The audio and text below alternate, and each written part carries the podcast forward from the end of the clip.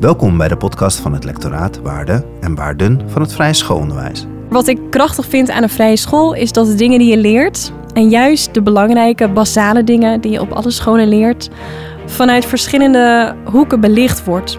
En dat voor mij was de vrije school gewoon een, een warm bad voor eh, persoonlijke ontwikkeling. Want het succes van dit vraagstuk, en dat betekent dus acceptatie van de verschillen, begint toch met het individu die daar wel of geen ruimte voor geeft. Ik ben Wouter Modderkolk, leraar economie op de Stichtse Vrije School in Zeist. Daarnaast doe ik promotieonderzoek naar leiderschap binnen het vrije schoolonderwijs. Ik ben Janja Pubeek en ik ben onderzoeker binnen het lectoraat. En daarnaast maak ik veel podcasts over ontwikkelingen binnen het onderwijs. In de vorige aflevering hebben we uiteengezet waar we onderzoek naar doen en wat de relevantie van dit vraagstuk is. We zagen dat het vrije schoolonderwijs wereldgericht onderwijs is en dat de scholen kinderen opleiden om zelfstandig in de wereld te kunnen staan, zodat zij weten wie ze zijn, weten wat zij kunnen en zich autonoom kunnen verbinden met de mensen en de wereld om hen heen. Ook zagen we dat de vrije scholen zelf niet altijd met de wereld om zich heen verbonden zijn. De populatie op vrije scholen is veelal exclusief, terwijl hun visie juist inclusief is. En dat is raar, want opleiden voor de wereld om je heen, maar zelf niet op lijken, dat klopt niet. We zien dit vraagstuk op meer plekken in onze maatschappij. Inclusie en diversiteit staat op menig strategische agenda.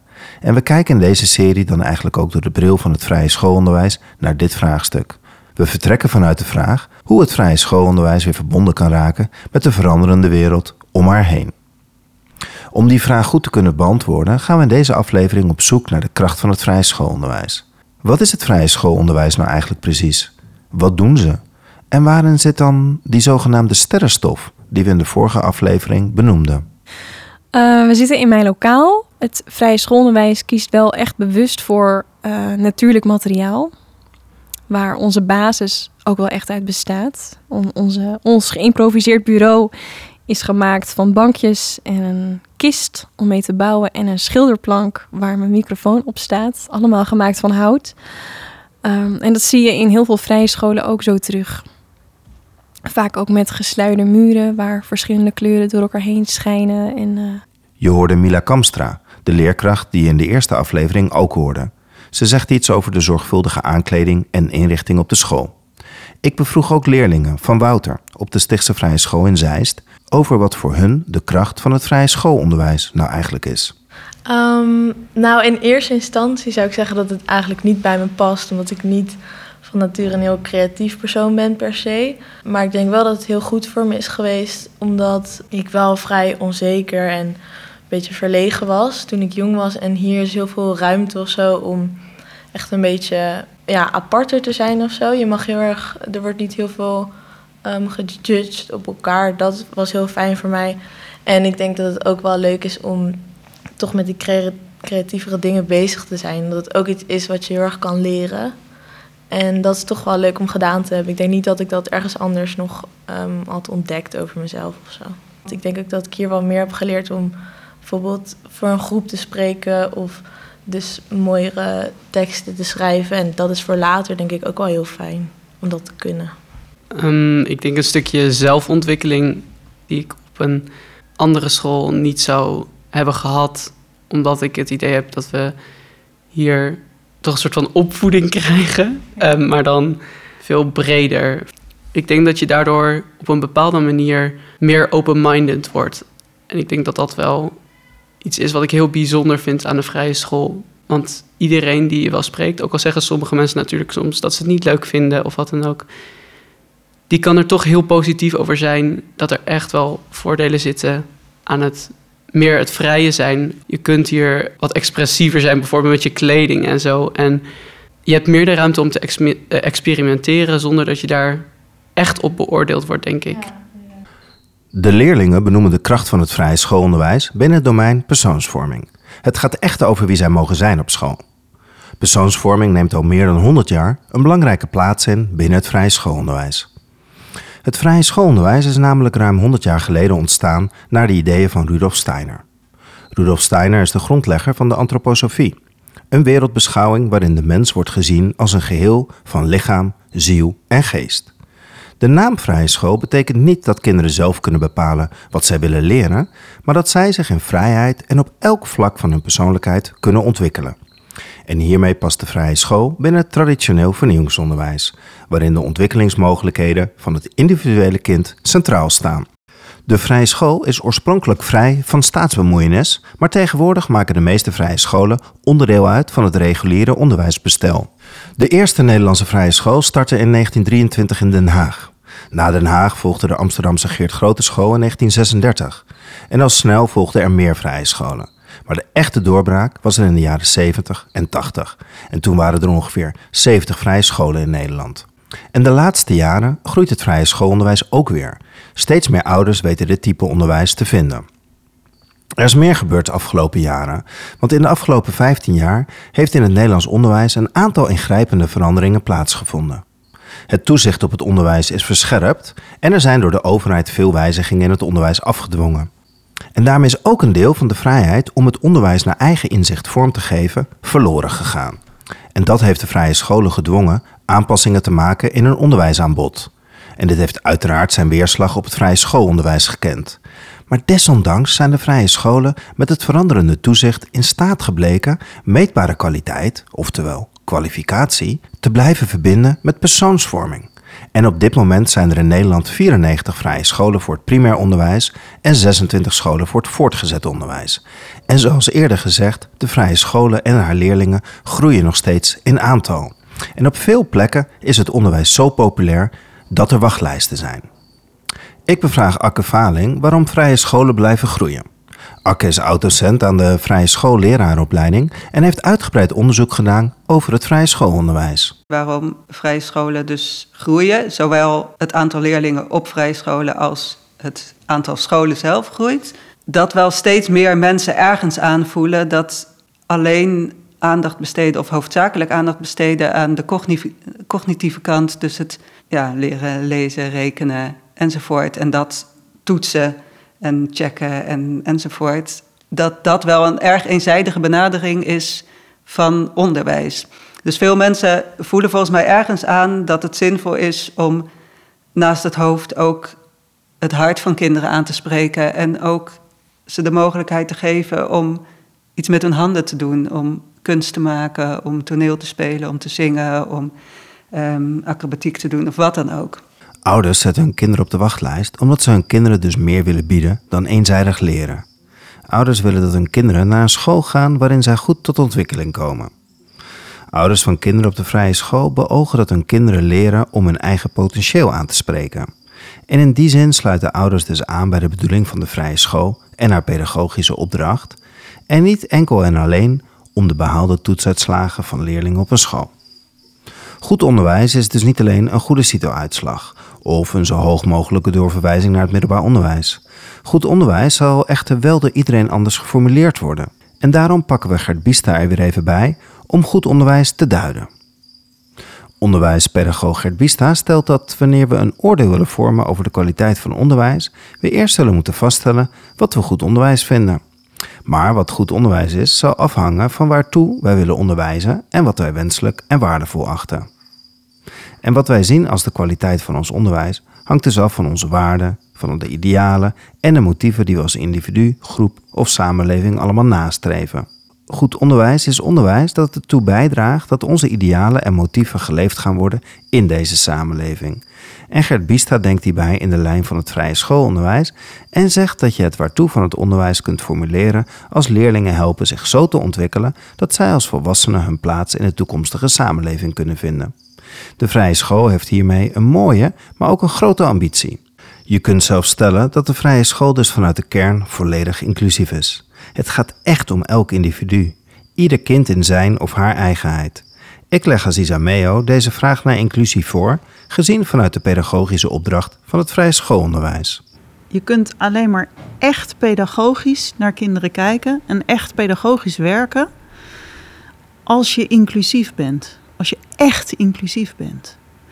Want pedagogisch werken en exclusiviteit, die bijten op. Dat is niet verenigbaar. Als je zegt, we zijn in de diepste, in de kern van ons onderwijs zijn we pedagogisch. dan betekent dat dat je daarmee eigenlijk zegt van wij ontmoeten ieder kind in zijn mens zijn, in, zijn, in de kern van zijn waardigheid, in zijn eigenheid. En we helpen om die eigen kern, die willen we helpen tot ontplooiing te komen, zodat het, ja, het kind tot wasdom kan komen en van daaruit bij kan dragen aan hoe we met elkaar in de wereld zijn, autonomie en verbondenheid. Maar dat betekent dat je tegelijkertijd de opdracht op je neemt om ieder kind in zijn eigenheid te helpen zich te ontplooien. Daarbij kun je niet een onderscheid maken en zeggen deze kinderen wel en deze kinderen niet.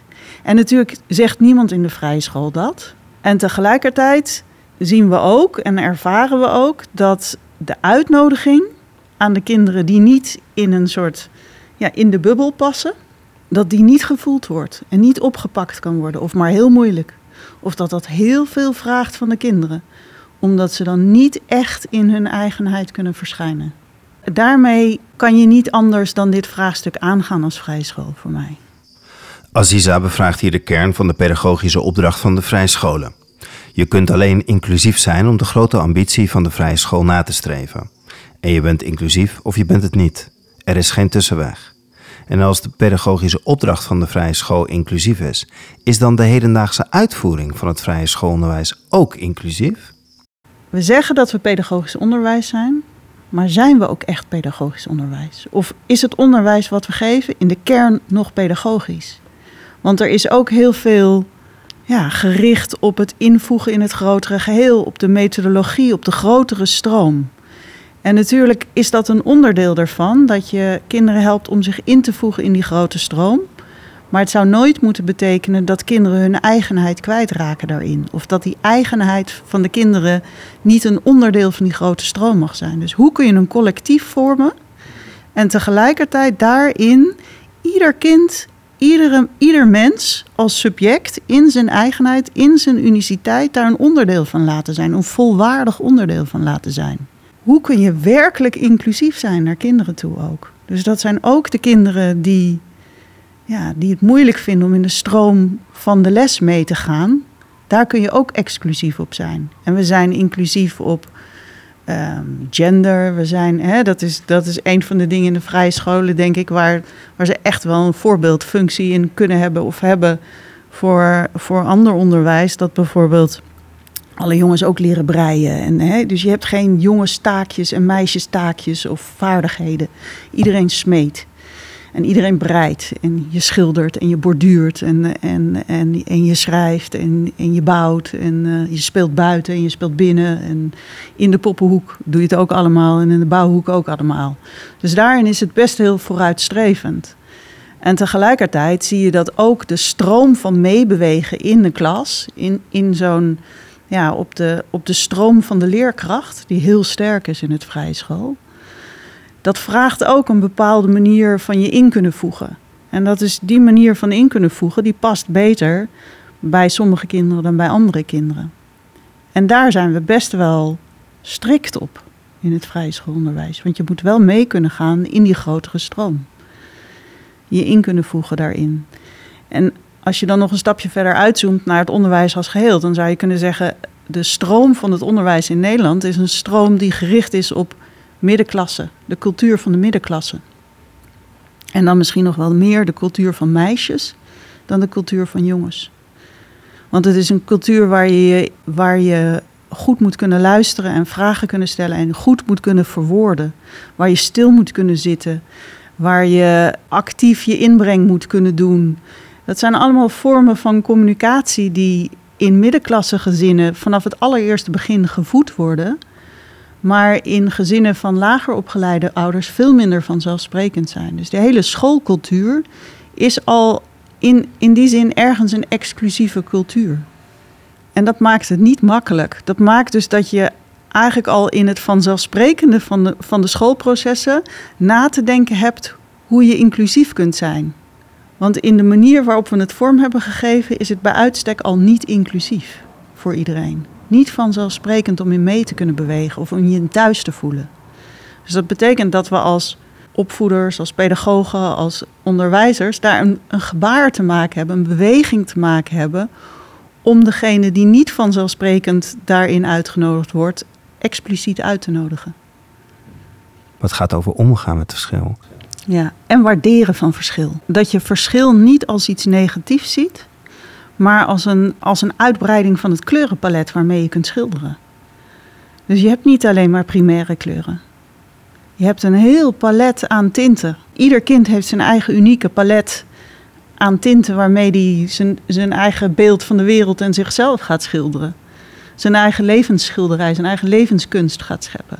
Kunnen we daar nieuwsgierig naar zijn en kunnen we daar open in zijn en kunnen we dat daar de ruimte voor maken? Ook zelfs als een kind bij wijze van spreken alleen maar zwart en grijs tinten en wit heeft. Mag dat dan ook? Aziza laat in dit fragment goed horen wat de kracht is van de pedagogiek van de vrije school. Maar ook dat het in de inrichting of uitvoering van het onderwijs zijn ambitie van inclusie gemakkelijk kan verliezen. Op vrije scholen wordt beoogd om zo vorm en inhoud te geven aan het onderwijs dat leerlingen daar de kennis, vaardigheden en kwaliteiten kunnen ontwikkelen die in onze ogen wenselijk zijn voor het leven als volwassenen in die toekomstige samenleving. Het vrije schoolonderwijs ziet de school dan ook als oefenplaats. Een oefenplaats waarin leerlingen zich kunnen vormen en voorbereiden op een volwassen deelname aan de samenleving. En de kwaliteit van het vrije schoolonderwijs wordt dus ook bezien vanuit het perspectief hoe goed het onderwijs de leerlingen voorbereidt op hun volwassenheid. De vrije schoolpedagogiek kent mooie toekomstige idealen en verder gemeenschappelijke toekomstperspectieven. Maar hoe ziet het vrije schoolonderwijs er dan eigenlijk uit in de praktijk? Grofweg kun je zeggen dat het vrije schoolonderwijs de weg naar volwassenheid in drie stukken verdeelt, in drie zogenaamde vormingsfasen. Die van 0 tot 7 jaar, 7 tot 14 jaar en 14 tot 21 jaar. En elk van deze fasen heeft een eigen typering op fysiek, emotioneel en cognitief gebied en geeft aandacht aan onderscheidende behoeften die kinderen motiveren tot ontwikkeling.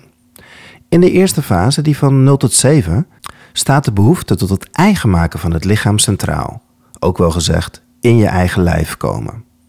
In je lijf kom je op de vrije school door veel spel, veel nabootsing en beweging. In de tweede fase, die van 7 tot 14, draait het onderwijs rond de wereld verkennen onder begeleiding van de leraar. De leraar wordt in deze fase neergezet als liefdevolle autoriteit. Vandaar dat op sommige vrije scholen leraren ook meegaan met hun groep naar de volgende jaren. De rol van de leraar is dan ook essentieel in deze fase. En de laatste fase, de fase naar volwassenheid, van 14 tot 21 jaar, wordt gekenmerkt door vanuit liefde voor mens en wereld je eigen plek te zoeken in de wereld. De opbouw binnen deze vormingsfase wordt ingevuld met leerjaren, waarin specifieke thema's en kenmerken aan de orde komen. De inrichting van een leerjaar is aan de leerkracht. Op een vrije school voor primair onderwijs bepalen leerkrachten de lesinhoud en de werkwijze. Ze bieden alle vakken in onderlinge samenhang aan. En hierbij houden zij rekening met de ontwikkeling van ieder individueel kind en van de groep als geheel. De leerkracht heeft dus veel professionele ruimte, maar wel in afstemming met het schoolteam en in lijn met de visie van de school. Op de vrije school zitten kinderen uit dezelfde leeftijdscategorie bij elkaar in de klas. De kinderen blijven idealiter hun gehele lagere schoolperiode met de leerkracht bij elkaar. Maar in de praktijk blijft de leerkracht vaak drie jaar bij de groep. Dit maakt de persoonlijke binding tussen leerlingen en leerkracht en leerlingen onderling erg sterk en uniek. Het voordeel hiervan is dat de kinderen en de leraar een hechte band opbouwen. Maar als een kind geen goede klik heeft met de leerkracht, kan dat ook een nadeel zijn. En naast de eigen leerkracht hebben kinderen vaak ook vakdocenten voor bijvoorbeeld handenarbeid, toneel of eurythmie. Vanaf de eerste klas, groep 3, verloopt de schooldag volgens een vast ritme. De eerste uren krijgen kinderen periodeonderwijs en daarna krijgen ze oefenuren. En deze lessen worden ook wel werkplaatsuren genoemd. Bij periodeonderwijs krijgen leerlingen gedurende een aantal weken hetzelfde vak, zoals een bepaald onderdeel van taal verrekenen. Het idee is dat als leerlingen zich gedurende een aantal weken intensief met een stukje leerstof bezighouden, zij een sterke binding krijgen met dit vak. En bij oefenuren krijgen leerlingen de andere schoolvakken aangeboden, net als in het reguliere onderwijs. Na de zesde klas, groep 8, kunnen leerlingen de overstap maken naar het reguliere vervolgonderwijs of het voortgezet onderwijs voor de vrije school. Op de vrije school voor het middelbaar onderwijs sluit het onderwijs aan en tellen de jaargroepen gewoon door. Uiteraard gelden op de vrije scholen dezelfde kerndoelen als voor de leerlingen op het reguliere onderwijs. Op de vrije school zitten de leerlingen van het VMBO, HAVO en VWO door elkaar heen en doen de leerlingen op een eigen niveau mee aan de landelijke eindexamens. Maar in principe vind ik het wel een heel mooi systeem dat je dus nog een stuk langer allemaal met elkaar in de klas blijft. Omdat ik ook denk dat het voor bijvoorbeeld MAVO-leerlingen heel goed is om met ehm, leerlingen in de klas te zitten. Kijk, VWO-leerlingen zijn over algemeen, denk ik, iets meer met school bezig. Misschien ook iets gemotiveerder. En ik denk dat je dan elkaar ook heel goed kan motiveren. Want als je met z'n allen in een klas zit en niemand vindt het eigenlijk interessant, dan word je sneller gedemotiveerd. Als er veel mensen om je heen zitten die. Dat heb ik zelf ook. Er zitten veel mensen in mijn klas die slimmer zijn dan ik. En daar leer ik dan wel heel veel van. Nou, heel veel mensen eh, bij VWO merk je toch al snel, vind ik, dat ze heel erg theoretisch zijn ingericht. En soms kunnen dingen zo simpel zijn. En dan, eh, als je er alleen maar met VWO'ers zit, bijvoorbeeld, kan het soms echt overdacht zijn. En dan komt gewoon iemand die misschien HAVO heeft of zo, komt met echt de meest praktische oplossing die er is. En dan denk je, wow, dat is eigenlijk gewoon waar. En dan leer je zoveel meer van dan dat je misschien alleen maar met mensen zit van die op, hetzelfde, op dezelfde manier denken. Dus het vrije schoolonderwijs heeft een duidelijke opdracht. Leerlingen herkennen en erkennen dat ook. En als je oud-leerlingen bevraagt naar de kracht van het vrije schoolonderwijs, geven zij veelal blindelings de kracht van het onderwijs aan hun leven aan. Ik ga terug naar Akke. Akke heeft hier specifiek onderzoek naar gedaan en ik bevraag haar naar de uitkomsten van dit onderzoek. Ja, dat is misschien wel goed om eerst even heel kort iets te zeggen over dat onderzoek. Want wat ik gedaan heb, is oud-vrije schoolleerlingen in de leeftijd van ongeveer 35 tot begin 40. Dus ja, een beetje in het midden van het leven of ja, echt in het volwassen leven. Gaan bevragen op, op wat zij belangrijk vinden in het leven. Dus wat voor keuzes ze maken, ehm, waar ze waarde aan hechten. Wat voor werk ze doen en waarom, wat ze belangrijk vinden in relaties en vriendschappen en dat soort dingen.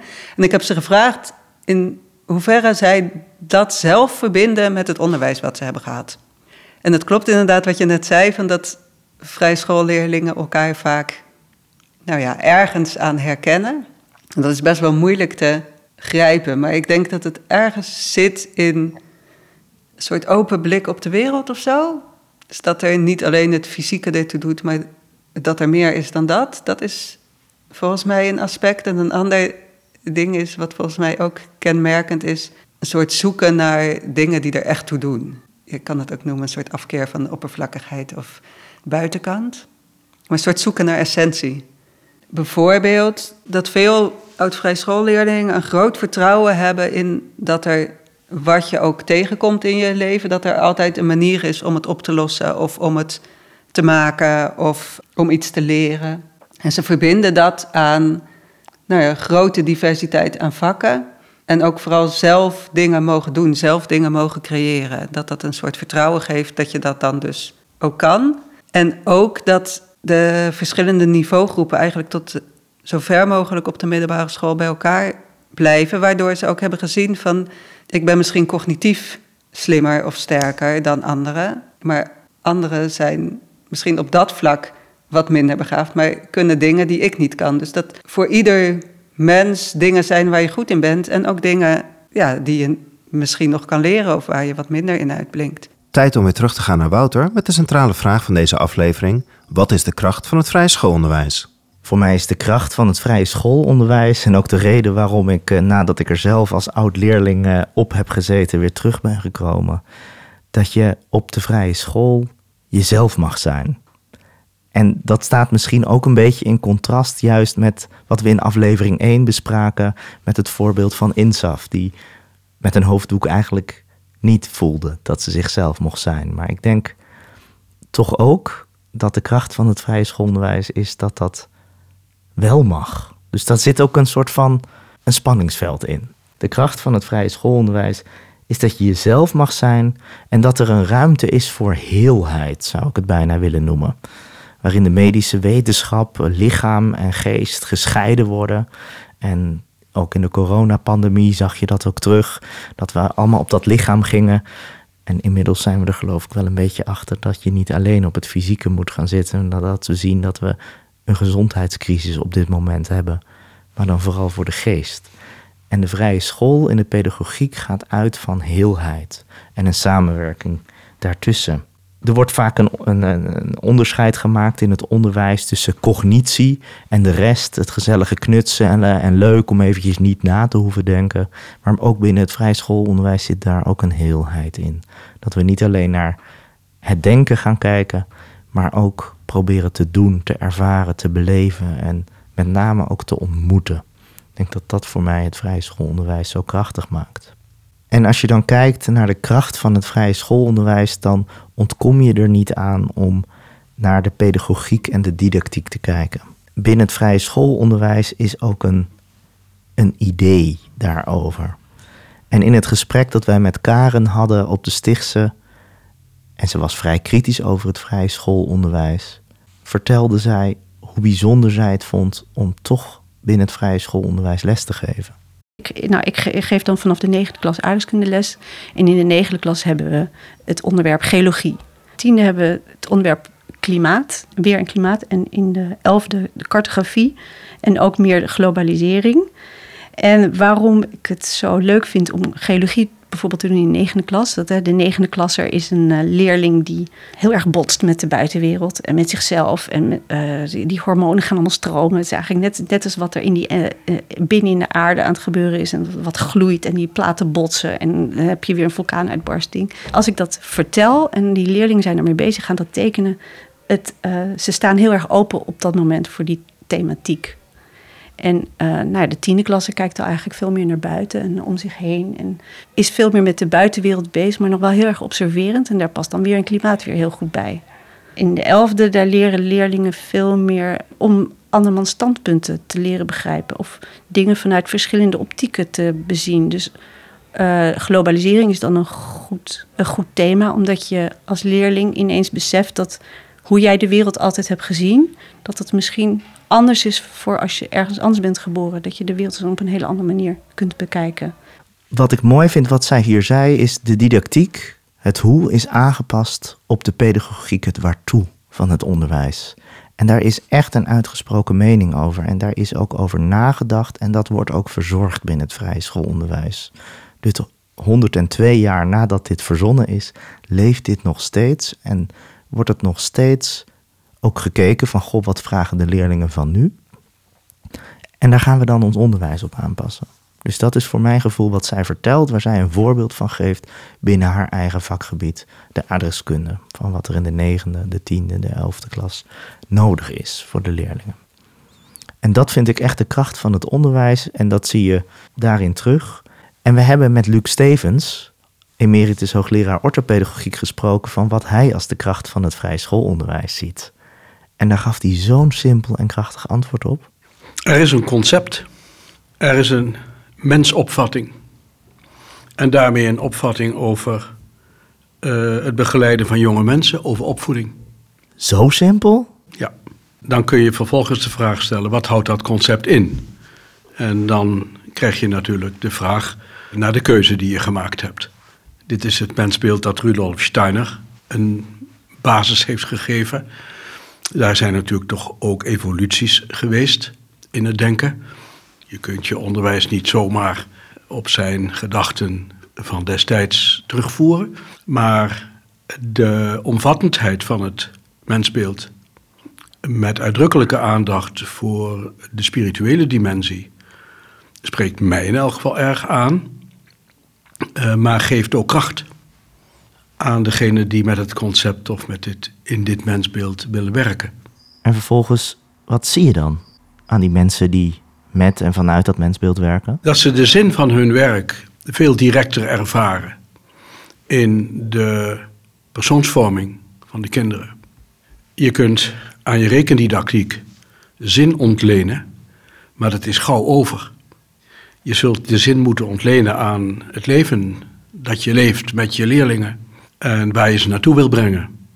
En als je daar een stevig concept voor hebt, dan hoef je niet iedere dag te zoeken naar de zin van je werk.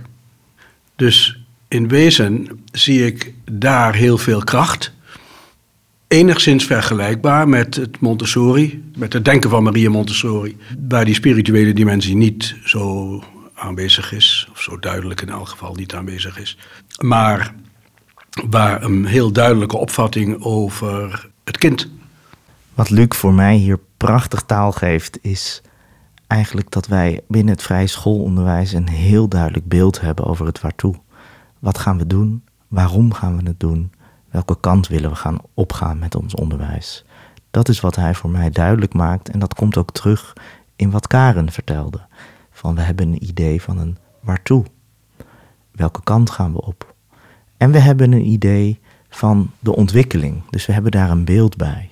En daar wil ik een kort stukje van uit een TED-talk van Sir Ken Robinson over laten horen, die precies voor mij de vinger op de zere plek legt als we gaan kijken over ontwikkeling van kinderen binnen de maatschappij. Dus wat is de algemene idee over ontwikkeling van kinderen? When I arrived in LA a few years, about nine years ago, I came across a, um, a policy statement, very well intentioned, which said college begins in kindergarten. No, it doesn't.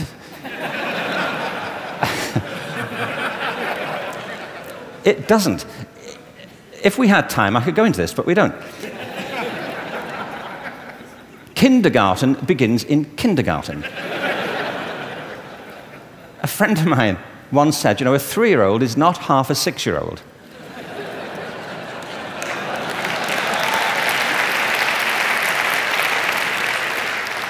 They're three. But as we just heard in this last session, there's such competition now to get into, into kindergarten, to get to the right kindergarten, that people are being interviewed for it at three. Kids sitting in front of unimpressed panels, you know, with their resumes. Flicking through it, saying, What, this is it?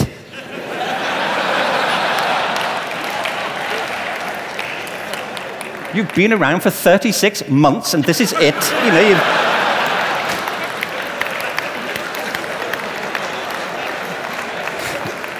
You've achieved nothing. I mean, it's... spent the first six months breastfeeding, what I can say. It's. I mean.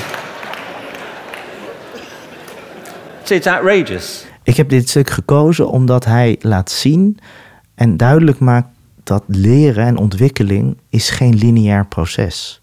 En we zien het wel te veel als een lineair proces.